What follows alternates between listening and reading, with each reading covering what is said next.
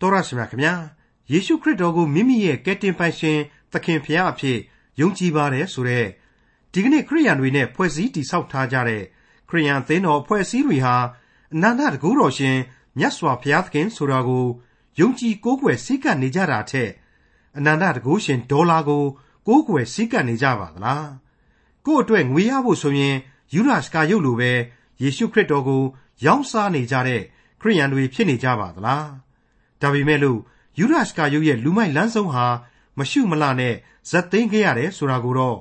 ဒီကနေ့ခရိယန်တွေနဲ့ခရိယန်ခေါင်းဆောင်ကြီးများသတိချကြရမှာဖြစ်ပါတယ်အချို့အချို့သောခရိယန်တွေခရိယန်ခေါင်းဆောင်ကြီးတွေကိုးကွယ်စည်းကပ်နေကြတဲ့အနန္တတကုရှင်ဒေါ်လာတွေဟာအတောင်ပေါက်ပြီးပြန်သွားရတဲ့အကြောင်းသတိပေးဖော်ပြထားတဲ့ခရိယန်တမန်ကျမ်းဓမ္မဟောင်းကျမ်းပိုင်းတွေကတုတ်တန်ကျမ်းအခန်းကြီး23ကို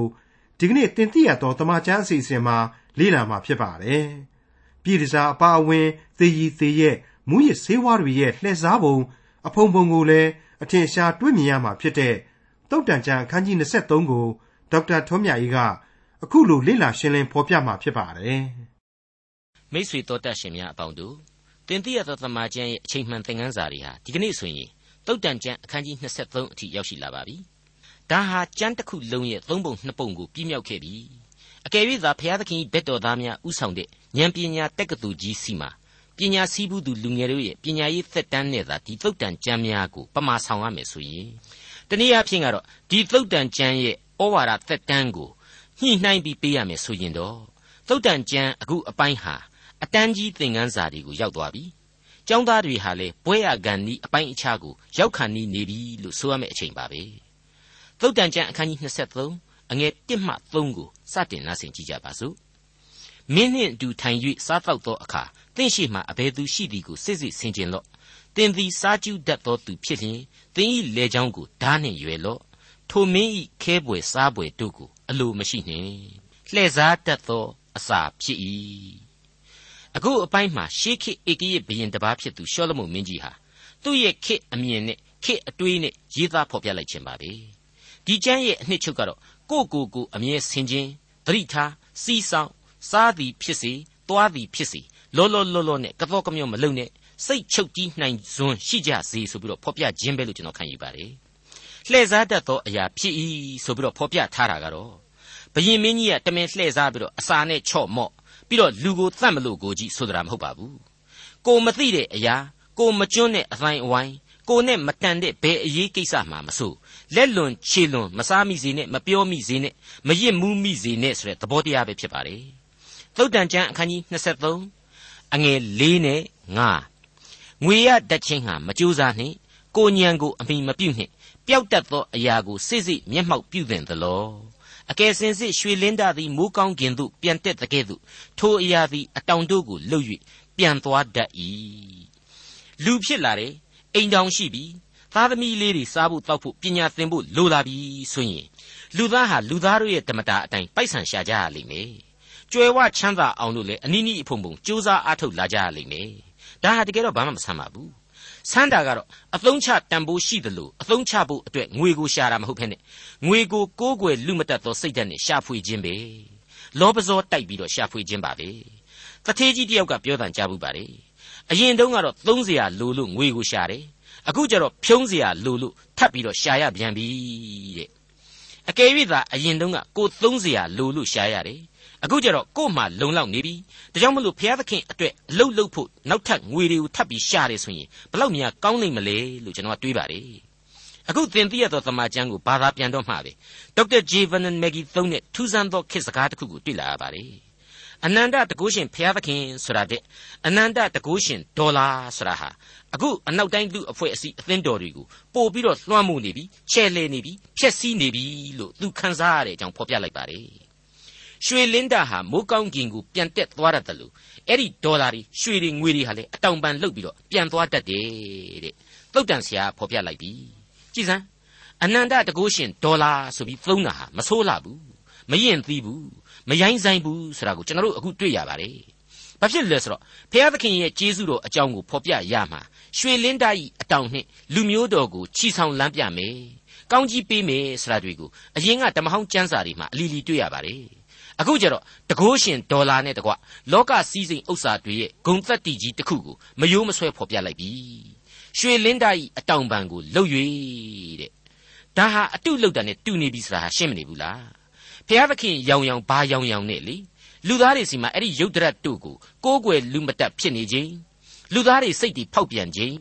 အဲ့ဒီလူသားတွေမှားယွင်းကိုးကွယ်နေတဲ့အရာတွေဟာအကုန်လုံးထပြီးပြန်သွားတော့တာပဲအဲ့ဒီအချိန်ကျတော့မှအဲ့ဒီလူဟာလေတယောက်တည်းငုတ်တုတ်ကလေးထိုင်ပြီးကြံရစ်ကြရတယ်တဲ့အကယ်၍သာအဲ့ဒီလူအထက်ကိုမပြန်တော့ကောအမြဲတမ်းကိုနဲ့မကွာရှိနေမှာလားလို့မေးเสียရှိပါတယ်မရှိနိုင်ပါဘူး သူတို့ကမိုးကိုမပြန်မနဲ့ကိုကမြေရှိုးပြီးသေသွားတော့လေသူတို့ကကြံရစ်ခဲ့ကြပြန်တယ်အဲ့ဒီကြံရစ်ခဲ့တဲ့အရာတွေအပေါ်မှာမူတည်ပြီးတော့လေနောင်လာနောက်သားဆွေမျိုးတွေဟာအမွေလူပြီးတော့ရန်ဖြစ်ကုန်ကြပြန်တယ်ဆိုတာဒီကိုကျွန်တော်ယင်ထုမနာတွေ့နိုင်ပြန်ပါလေသုတ်တန်ကျမ်းအခန်းကြီး23အငယ်6မှ8မနာလိုသောသူ၏အစာကိုမစားနှင့်သူ၏ခဲပွဲစားပွဲကိုအလိုမရှိနှင့် သူသည်စိတ်ထင်သည်အတိုင်းဖြစ်၏စားတော့တော့ဟုဆိုတော်လဲစေတနာစိတ်မရှိသင်သည်စားသောအစာကိုတဖန်အံ့ရလိမ့်မည်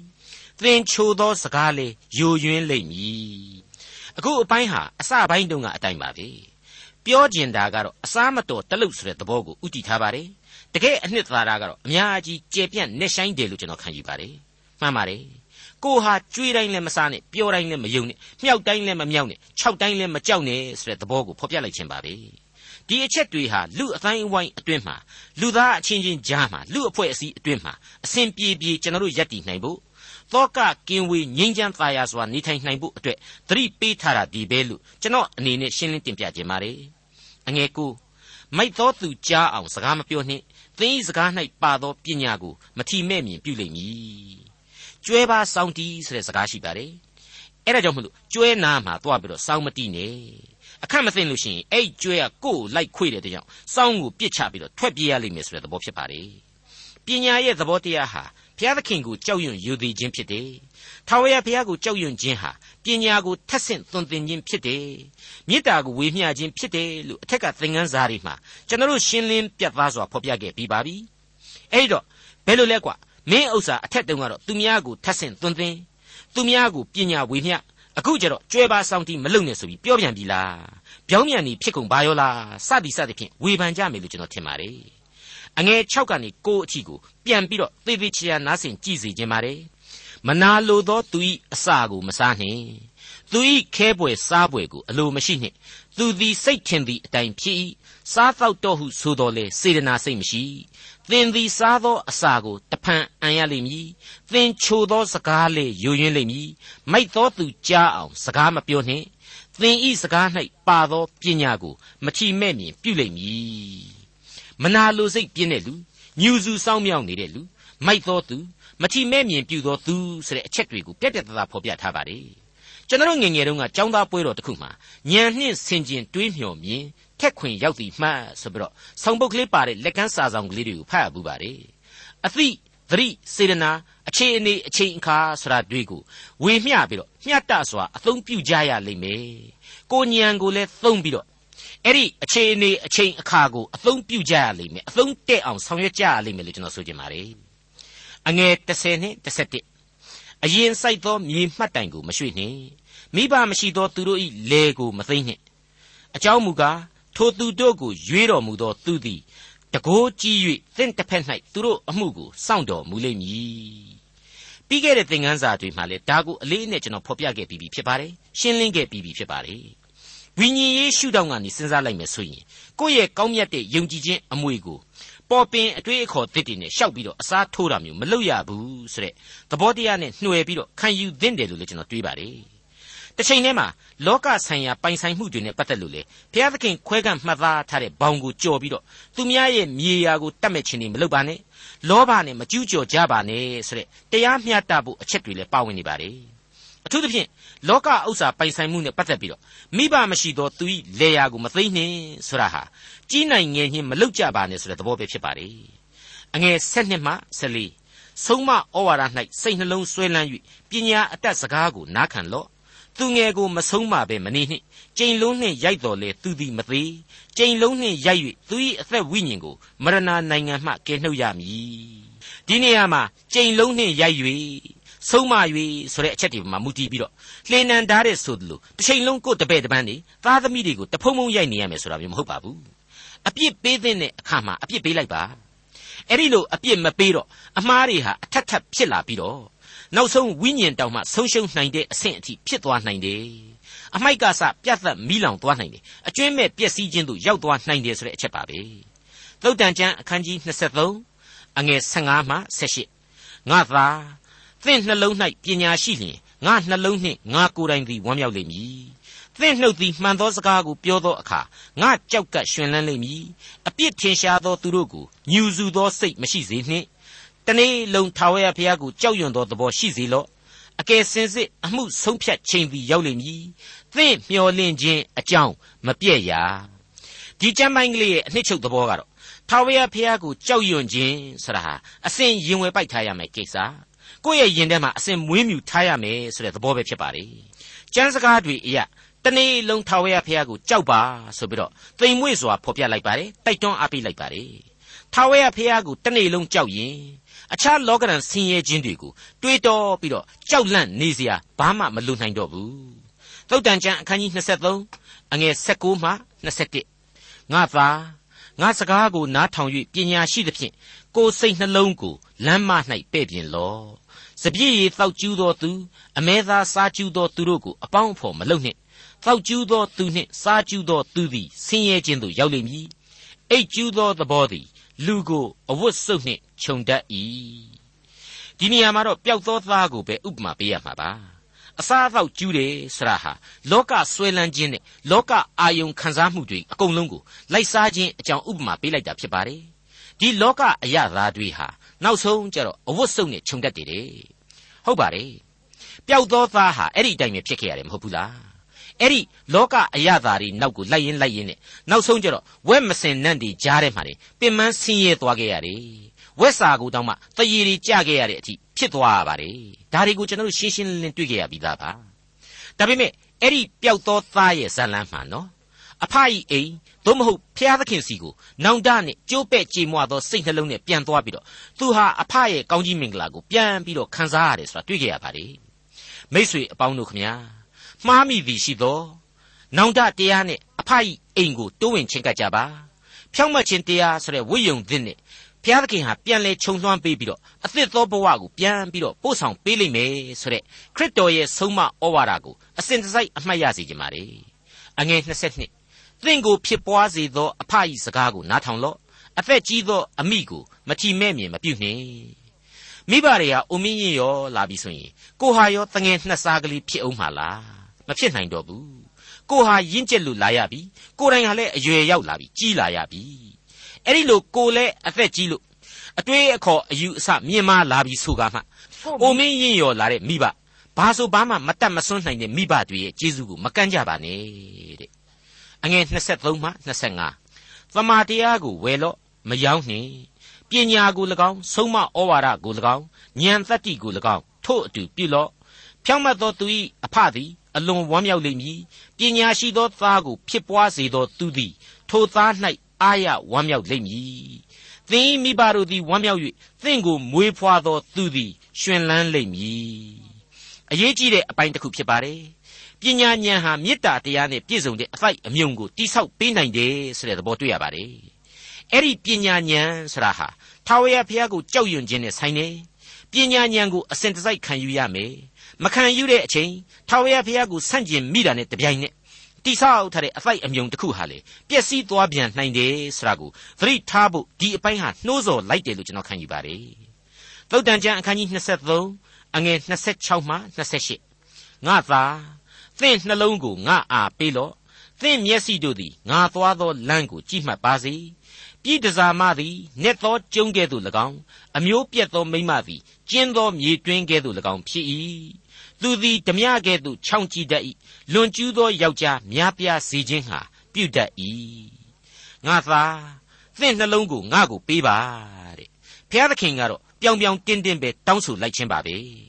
ကျွန်တော်ရဲ့စိတ်နှလုံးတွေဟာဇာတိပဂရိကိုကမကောင်းတဲ့ဥစ္စာကြီးကိုဒီအတိုင်းသွားပေးလို့ဖြစ်နိုင်ပါမလားမတင့်တယ်ပါဘူးမသိလျော်ပါဘူးဒါပေမဲ့ तू ကတောင်းနေပြီဆိုကြတဲ့ကပေးကိုပေးရမှာပဲအဲ့ဒီအချိန်မှာတော့နောင်တနှလုံးသားကြိုးပဲ့ကြေမွသောနှလုံးသားယုံကြည်မျှော်လင့်ခြင်းရှိသောနှလုံးသားများဖြစ်နေဖို့ဖျားသခင်ထံသို့ပေးအပ်ထိုက်သောနှလုံးသားများဖြစ်နေဖို့ပို့ပြီးတော့အရေးကြီးပါတယ်ပြီးတဲ့နောက်မှာတော့အထက်ထက်ကြားခဲ့ရပြီးဖြစ်တဲ့ထိုမိမ့်မဤအိမ် သို့မဟုတ်စာရမဏတ်လွှမ်းမိုးရာအမှောင်လောကအကြောင်းကိုထပ်မံသတိပေးလိုက်ခြင်းအပြင်နှလုံးသားကိုသူတောင်းဆိုတာဟာအကြောင်းရှိတယ်အဲ့ဒီအပြစ်လောကတဲကိုရေစုံမျောပါမသွားရအောင်လို့ပဲတောင်းဆိုတာဖြစ်တယ်ဆိုတာကိုဖော်ပြပေးလိုက်ပါတယ်အခုအပိုင်းကိုသေချာစဉ်းစားကြည့်ရင်သုတ်တန်ကျမ်းအစပိုင်းကဖော်ပြချက်တွေကိုအသစ်ပြန်ပြီးတော့သတိရဖို့ဖြစ်လာပါတယ်ဒါကြောင့်မလို့သုတ်တန်ကျမ်းအခန်းကြီး3ထဲကကျွန်တော်မှတ်မိနေတဲ့အချက်ကလေးတချို့ကိုပြန်ပြီးတော့တင်ပြပေးပါရစေ ထာဝရဘုရားကိုစိတ်နှလုံးအကျွင့်မဲ့ကိုးစားလော့ကိုညံကိုအမိမပြုနှင့်သွားလေရာရာ၌ထာဝရဘုရားကိုမျက်မှောက်ပြုလော့တို့ပြုလျင်သင်လန်ခရီးတို့ကိုပဲ့ပြင်တော်မူမည်ငါသည်ပညာရှိဟုကိုကိုမထင်နှင့်ထာဝရဘုရားကိုကြောက်ရွံ့၍ဒုစရိုက်ကိုရှောင်လော့တို့ပြုလျင်သင်အကျော်တို့သည်အာသံ၍အယိုးတို့သည်ခြင်စီနှင့်ပြည့်စုံကြလိမ့်မည်သင်သည်ကိုဥစ္စာနှင့်အူးသီးသောအသီးအနှံရှိသမျှကိုထာဝရဘုရားအားပူဇော်လော့ တို့ပြုလျင်သင်၏စပကြီးတို့သည်ကျွယ်ဝ၍စပြစ်သီးနေရာတစားတို့ကိုအသစ်သောစပြည့်ရှံလိမ့်မည်ငါသာထာဝရဘုရားဆုံးမတော်မူခြင်းကိုမမှတ်ဖဲမနေနှင့်သင်၏အပြစ်ကိုစစ်ဆေးတော်မူသောအခါစိတ်မပြည့်စေနှင့်ထာဝရဘုရားသည်ချစ်တော်မူသောသူကိုဆုံးမတော်မူတတ်၏နှစ်သက်တော်မူသောသားကိုဒဏ်ခတ်တော်မူတတ်၏သင်သည်ခရီးသွားရ၌ဘေးမရှိခြေမတိုက်မိဘဲသွားလိမ့်မည်အိတ်သောအခါကြောက်เสียမရှိရ ကောင်းမွန်စွာအိပ်ပျော်ရလိမ့်မည်လျင်မြန်သောဘေးနှင့်လူဆိုးတွေ့တတ်သောပျက်စီးရာဘေးကိုကြောက်เสียမရှိရအကြောင်းမူကားထာဝရဘုရားသည်သင်ယုံကြည်ကိုးစားရာဖြစ်၍သင်၏ခြေကိုမကြော့မိစေခြင်းဟာစောင့်မတော်မူလိမ့်မည်တဲ့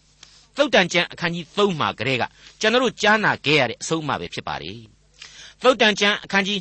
23အငယ်29မှ30အဘယ်သူသည်ဝမ်းနေခြင်းရှိသနည်း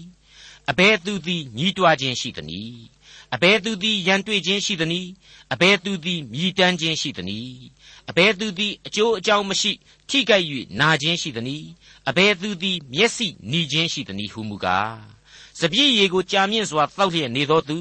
ဆေးနှင့်ရောသောစပြည့်ရည်ကိုရှာရသောသူတို့သည်ထိုသို့သောလက္ခဏာရှိကြ၏ကြားရတာနားဝမှာတက်တာစရာရဲ့လို့တခုမှမရှိပါဘူးနေရင်ထိုင်ရင်ဝန်းနေနေတယ် ညင်းညူပြီးတော့ပြစ်တောက်ပြစ်တောက်တီပြောနေတယ်သူများတွေကိုရှောက်ပြီးတော့ကလိတိတိရီတိတိတွေပြောနေတယ်ဘသူမှရိုက်တာနှက်တာမဟုတ်ဖ ೇನೆ အလိုလိုစိတ်တွေဖောက်ပြန်ပြီးတော့ရန်ဆောင်ခြင်းနေနာစရာမဟုတ်တာကိုကြမ်းဖန်နာတယ်မျက်စိကြီးတွေနှစ်ဖက်စလုံးပါးကြီးတွေနှစ်ဖက်စလုံးပြီးတော့အသားကြီးတွေနီးဆက်ဆက်နဲ့သိပြီးတော့သိသာထင်ရှားတဲ့လက္ခဏာတွေကိုဒီအရက်သမားတွေစီမှာတွေ့ရတယ်တဲ့တနည်းအားဖြင့်ဒါရှေးခေတ်ကပုံစံကိုပြောတာ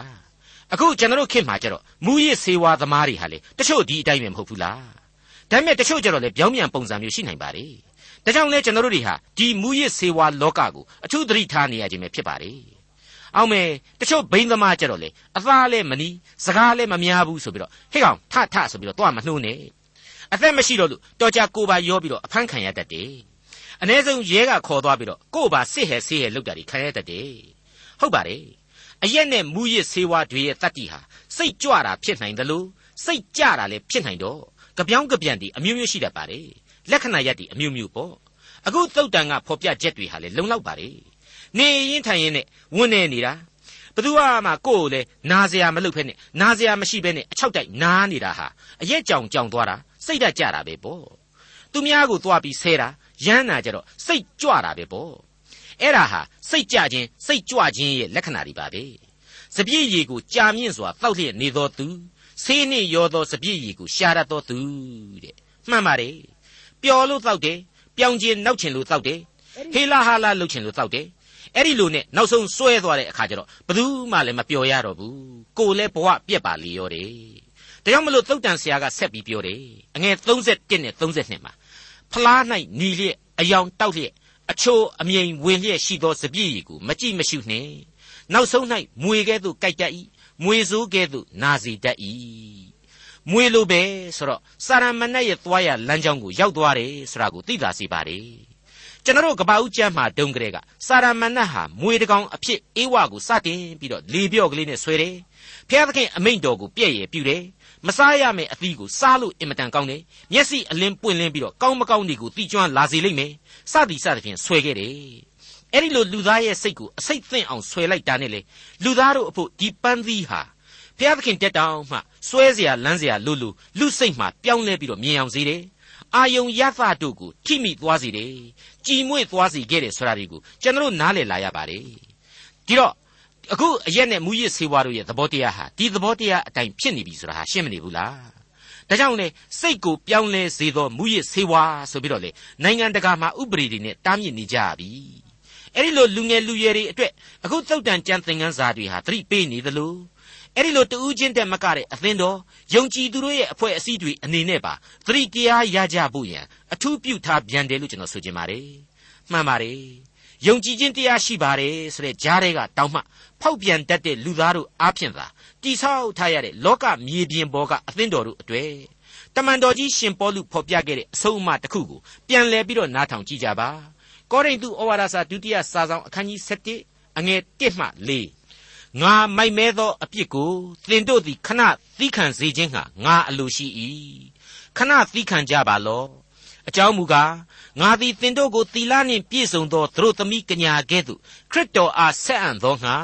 သင်တို့ကိုလင်တူးနှင့်ထိမ်းမြဆောင်နှင့်ပြီးသောကြောင့်ဖျားသခင်၏အလိုတော်အတိုင်းစိုးရိမ်သောစိတ်နှင့်သင်တို့ကိုစောင့်ရှောက်လျက်နေ၏မွေသည်မိမိပရိယေအဖြစ်အေဝါကိုလှည့်စားတဲ့ကဲ့သို့သင်တို့သည်စိတ်ဆွေးမြေ့ယိုယွင်း၍ခရစ်တော်ကိုအကျွမ်းမဲ့ချစ်သောစိတ်ပျောက်မည်ဟုစိုးရိမ်ခြင်းရှိ၏သင်တို့ရှိရာသို့ရောက်လာသောသူသည်ငါတို့မဟောမပြောသေးသောယေရှုတပါးကိုဟောပြောတော်၎င်း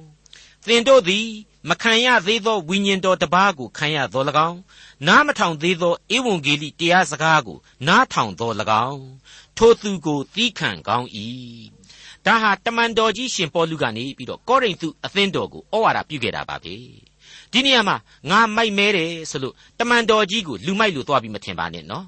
ကောရိန္သုအသင်းတော်ကခက်ကြမ်းကြမ်းကလေးဆုံးမတိုက်တဲ့အတွက်ကြောင့်ခက်ကြမ်းကြမ်းကလေးပဲဆုံးမပြီးတဲ့နောက်မှာတမန်တော်ကြီးကနေပြီးတော့အလွန်ယဉ်ကျေးစွာနဲ့ပြန်ပြီးတော့ချော့မော်ခြင်းဖြစ်ပါတယ်။သိမ်မွေ့စွာနဲ့တိုက်တွန်းခြင်းဖြစ်ပါတယ်။မင်းတို့ကိုခရစ်တော်အတွက်အလွန်ဖြူစင်တန်ရှင်းသောသူတို့သမီးကညာလေးလူအသင်းတော်ဖြစ်စီခြင်းတဲ့အတွက်ကြောင့်စာရမဏေဆိုတဲ့မွေရဲ့ပြည့်ရဲ့တဲကိုအေးဝရောက်သွားတာမျိုးမဖြစ်အောင်လို့ငါပြောရတာပါပဲကွာဆိုတဲ့အချက်ဖြစ်ပါတယ် ခရစ်တော်ကိုစက္ကပ်ရမယ်အသင်းတော်ဟာအလွန်ဖြူစင်တန့်ရှင်းမှုလိုတယ်ဆိုတဲ့အနှစ်ချုပ်ပါပဲကောင်းပါပြီမွေစိုးလိုကြိုက်မယ်နာစီမယ်ဆိုတာကိုသုတ်တန်ကျမ်းအခန်းကြီး23ရဲ့ဏိဂုံးပိုင်းတွေမှာဘယ်လိုအကျယ်တွင်ဖော်ပြလိုက်တယ်ဆိုတာကိုနားဆင်ကြည့်ကြပါသုတ်တန်ကျမ်းအခန်းကြီး23အငယ်33မှ35အဆုံးအထိသင်မျက်စိတို့သည်အမျိုးပြက်သောမိမတို့ကိုကြည့်ရှု၍သင်နှလုံးသည်လည်းကောက်သောစကားကိုမွဲ့ဆိုလိမ့်မည် အကယ်စင်စေသင်သည်ပင်လေအလယ်၌အိတ်တော်သူသင်ပေါ်ရွက်တိုင်ဖျားမှအိတ်တော်သူကဲ့သို့ဖြစ်လိမ့်မည်သူတို့သည်ငါ့ကိုရိုက်ကြပြီသို့တော်လည်းငါမနာငါ့ကိုထိုးကြတော်လည်းငါမသိအဘယ်အချိန်မှငါနိုးရမည်ဒီတဖန်ငါရှာအောင်မည်ဟုသင်ဆိုလိမ့်သည်ကဲလှည့်စားတတ်ခြင်းအမျိုးမျိုး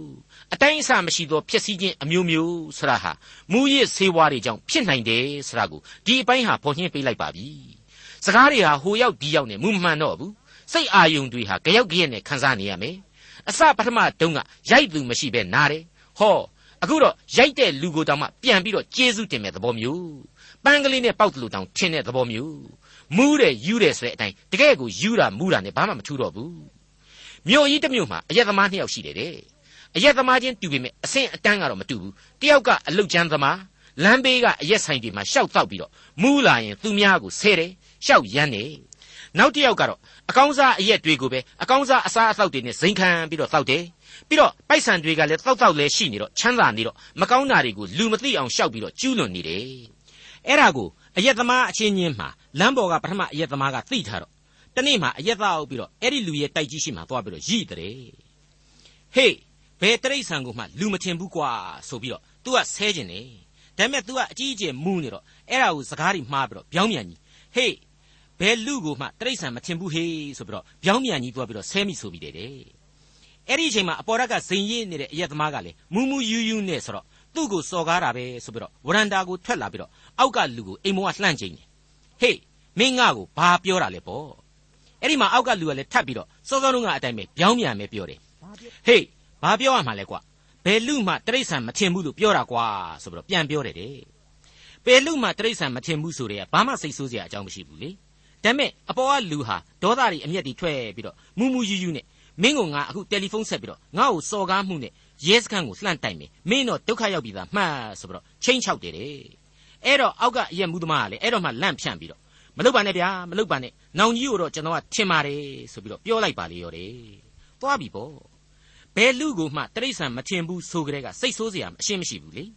အခုတော့ ခမည်းကြီးကိုတော့ကျွန်တော်ကထင်လိုက်ပါပြီဆိုတဲ့ခမည်းကြီးဟာတရိษံကြီးပဲဆိုပြီးပြောလိုက်တယ်အတူတူပဲဖြစ်သွားပြီမဟုတ်ဘူးလားအဲ့တော့အောက်ကလူကတောင်းပန်လိုက်ခါမှကိုတရိษံဖြစ်သွားတာကိုအပေါ်ကအရက်သမားကြီးဟာအရှင်းမသိဘူးသဘောတွေပါလေအကြီးကြီးကြာပြီးတော့ဘိုက်ပုတ်ပြီးတော့မင်းတော်တယ်ငါကျေနပ်သွားပြီဟေးငါမင်းကိုစိတ်မဆိုးတော့ဘူးတဲ့အဲ့ဒီလိုအော်ကြီးဟစ်ကျယ်တွေမဖွဲမရာတွေဖြစ်နေတဲ့အချိန်မှာလမ်းပေါ်ကလူတွေကလည်းစောင့်ကြည့်နေတယ်ဆိုတော့အဲ့ဒီလိုလဲကပောက်တိကပောက်ချာတွေကြားရရောဝိုင်းပြီးတော့ဟားတိုက်ကြတာပေါ့ အဲ့ဒီထက်မှာကလေးလေးတွေပါလိမ့်မယ်ဈေးသွားဈေးပြန်လူတွေလည်းပါလိမ့်မယ်မိမကြီးတွေလည်းပါလိမ့်မယ်လူပေါင်းစုံကအဲ့ဒီလိုရီတာကိုပဲအိမ်မောကတထေးရလဲသဘောကိုကြနေတာပဲဆိုပဲသူကသူဂုံပြုတ်ခံစင်မြင့်ဘောကအလေးပြုတ်ခံနေရတာကြနေတာပဲဟစ်တလာလိုလိုစတာလင်လိုလိုခရုရှော့ဖ်တို့လိုလိုပေါ့အေယာမရင်ပြင်ကြီးတွေကဂုံပြုတ်တပ်ဖွဲ့တွေကိုစစ်ဆေးနေရတဲ့ခေါင်းဆောင်ကြီးတွေစတိုင်မျိုးပေါ့ပရိသတ်တွေကိုလက်တွေပါပြပြီးတော့မှအိမ်ထဲကိုငေါက်တဲ့ငေါက်တဲ့နဲ့ပြန်ဝင်သွားပါလေရောတယ် အဲ့ဒါဟာလောကကြီးရဲ့တရုတ်ပြက်မြင်ကွင်းမစီမလျော်မြင်ကွင်းကြီးတရုတ်ဆောင်သူတွေကတော့မွေကြိုက်ခံရပြီးတော့အစိတ်တက်နေလေတဲ့အရက်သမားတွေပါပဲဒါကိုသုတ်တန်ကျမ်းဟာပြတ်သားစွာဖော်ပြထားပါတယ်အကယ်စင်စစ်သင်သည်ပင်လေအလယ်၌အိတ်တော်သူသင်ပေါ်ရွက်တိုင်ဖျားမှာအိတ်တော်သူကဲ့သို့ဖြစ်လိမ့်မည်သူတို့သည်ငါ့ကိုရိုက်ကြပြီသို့တော်လဲငါမနာငါ့ကိုထိုးကြတော်လဲငါမသိအဘယ်အချိန်မှငါနိုးရမည်ဒီတဖန်ငါရှာအောင်မည်ဟု သင်ဆိုလိမ့်တည်းမိတ်ဆွေတော်တတ်ရှင်အပေါင်းတို့ခမညာသုတ်တန်ကျမ်းသင်ခန်းစာတို့ဟာကြီးရင်လာပြီးဖြစ်တဲ့သားသမီးတို့အတွက်အလွန်အလွန်အရေးကြီးတဲ့အဆုံးအမတွေကိုဒီအခန်းကြီး23အဖြစ်ဆက်လက်ဩဝါဒပြုဆုံးမလျက်ရှိနေပါတယ်။ဒါကြောင့်မလို့ကျွန်တော်တို့အနေနဲ့အသက်လမ်းပေါ်ကိုတက်လှမ်းလိုသောလူငယ်လူရွယ်တွေကယ်တင်ရှင်ကျေးဇူးတော်ကိုမျှော်လင့်တမ်းတနေသူတွေအားလုံးကိုအခုလိုသုတ်တန်စကားနဲ့ဒီကနေ့အဖို့နှုတ်ဆက်လိုက်ပါရစေ။သင်ကိုဖြစ်ပွားစေသောအဖဤစကားကိုနားထောင်လော့။ အသက်ကြီးသောအမိကိုမကြည်မဲ့မြင်မပြုနှင့်။သမာတရားကိုဝယ်လော့မယောင်းနှင့်။ပညာကို၎င်းဆုံးမဩဝါဒကို၎င်းဉာဏ်တတ္တိကို၎င်းထို့အတူပြုလော့ဒေါက်တာထွန်းမြတ်ရေးစီစဉ်တင်ဆက်တဲ့တင်ပြတော်တမချန်းအစီအစဉ်ဖြစ်ပါတယ်နောက်တစ်ချိန်အစီအစဉ်မှာခရိယန်တမချန်းဓမ္မဟောင်းကျမ်းပိုင်းတွေကတုတ်တန်ကျမ်းအခန်းကြီး24အခန်းငယ်1ကနေအခန်းငယ်15အထိကိုလေ့လာမှာဖြစ်တဲ့အတွက်စောင့်မျှော်နားဆင်နိုင်ပါတယ်။